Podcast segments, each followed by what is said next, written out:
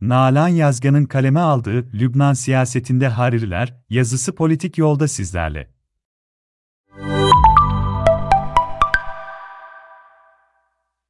Ülkemizde daha çok Türk Telekom'un özelleştirilmesi ihalesini kazanan Oger Telekom'un sahibi olarak tanınan Lübnanlı Hariri ailesi, aslında Lübnan siyasetindeki baş aktörlerden biri. Hariri ailesini iş ve siyaset dünyasında sahneye çıkaran isim ise Refik Hariri. Beyrut'un güneyindeki Sayda şehrinde, çiftçilikle geçinen mütevazı bir ailede dünyaya gelen Refik Hariri eğitimini mühendislik üzerine yaptı. Daha sonra, hızla Lübnan'ın hatta dünyanın sayılı zenginlerinden biri haline geldi. Suudi Arabistan ve Körfez ülkeleriyle yakın ilişkiler kurmasının zenginliğini misli misli artırmasında payı büyük. Hatta Suudi kraliyet ailesiyle ilişkilerinin doğası hakkında çeşitli rivayetler mevcut.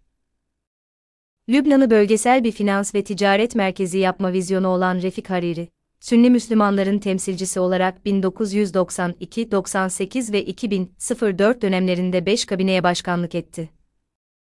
14 Şubat 2005 yılında büyük bir araba bombası ile düzenlenen suikast sonucunda hayatını kaybetti.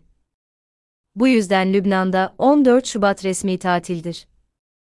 Buradan da Baba Hariri'nin Lübnan için ne kadar önemli bir figür olduğunu görmek mümkün. Refik Hariri'nin oğullarından Saad Hariri de Lübnan'ın eski başbakanlarından.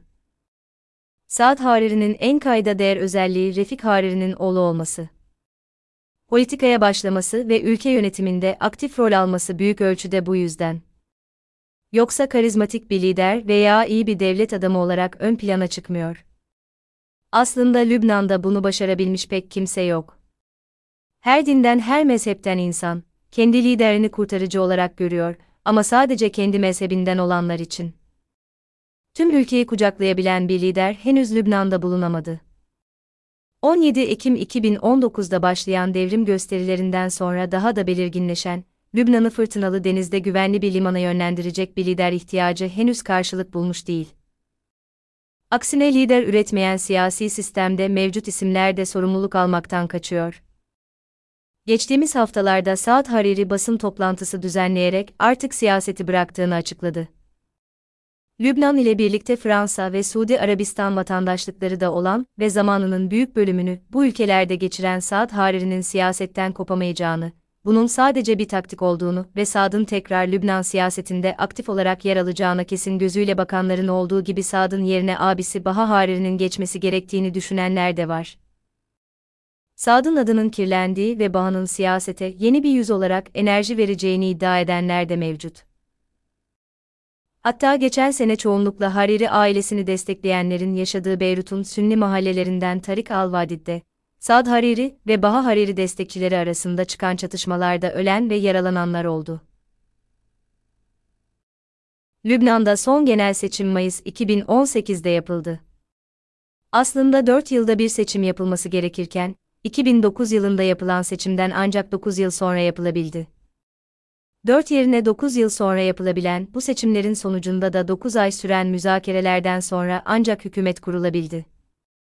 Gördüğünüz gibi Lübnan'da seçim yapmak da, hükümet kurmak da uzun zaman alıyor. Bu da aslında sistemin işlemediğinin bir diğer göstergesi.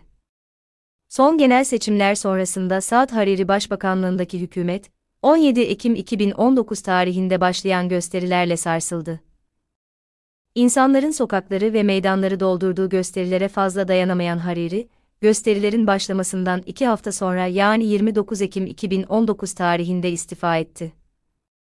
İstifasını Cumhurbaşkanı Michel Aoun'a sunarken babası Refik Hariri'nin meşhur sözlerini hatırlattı, hiç kimse ülkesinden büyük değil.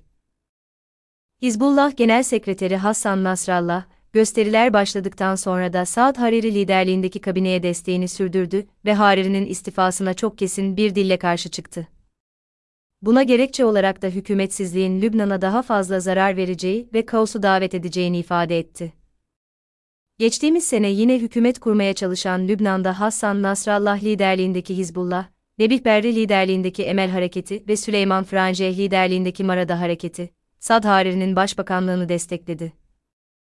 Semir Caca liderliğindeki Lübnan güçleriyle Cumhurbaşkanı Michel Aoun'un damadı Cibran Basil liderliğindeki Özgür Yurtsever Hareketi, Hariri'ye tam destek vermedi. Dolayısıyla Marune Hristiyanların bir kısmından yeterince destek alamadığı için Saad Hariri hükümet kurma çalışmalarına başlaması için görevlendirilmedi. Lübnan'da Cumhurbaşkanı Marune Hristiyan, Başbakan Sünni Müslüman, Meclis Başkanı da Şii Müslüman olmak zorunda. Hariri ailesinin dışında Sünnilere liderlik edebilecek bir alternatif yoğun uğraşlara rağmen hala bulunamadı. Muhammed Safadi, Semir Katip, Hassan Diab isimler Lübnan siyasetinde tutunamadı.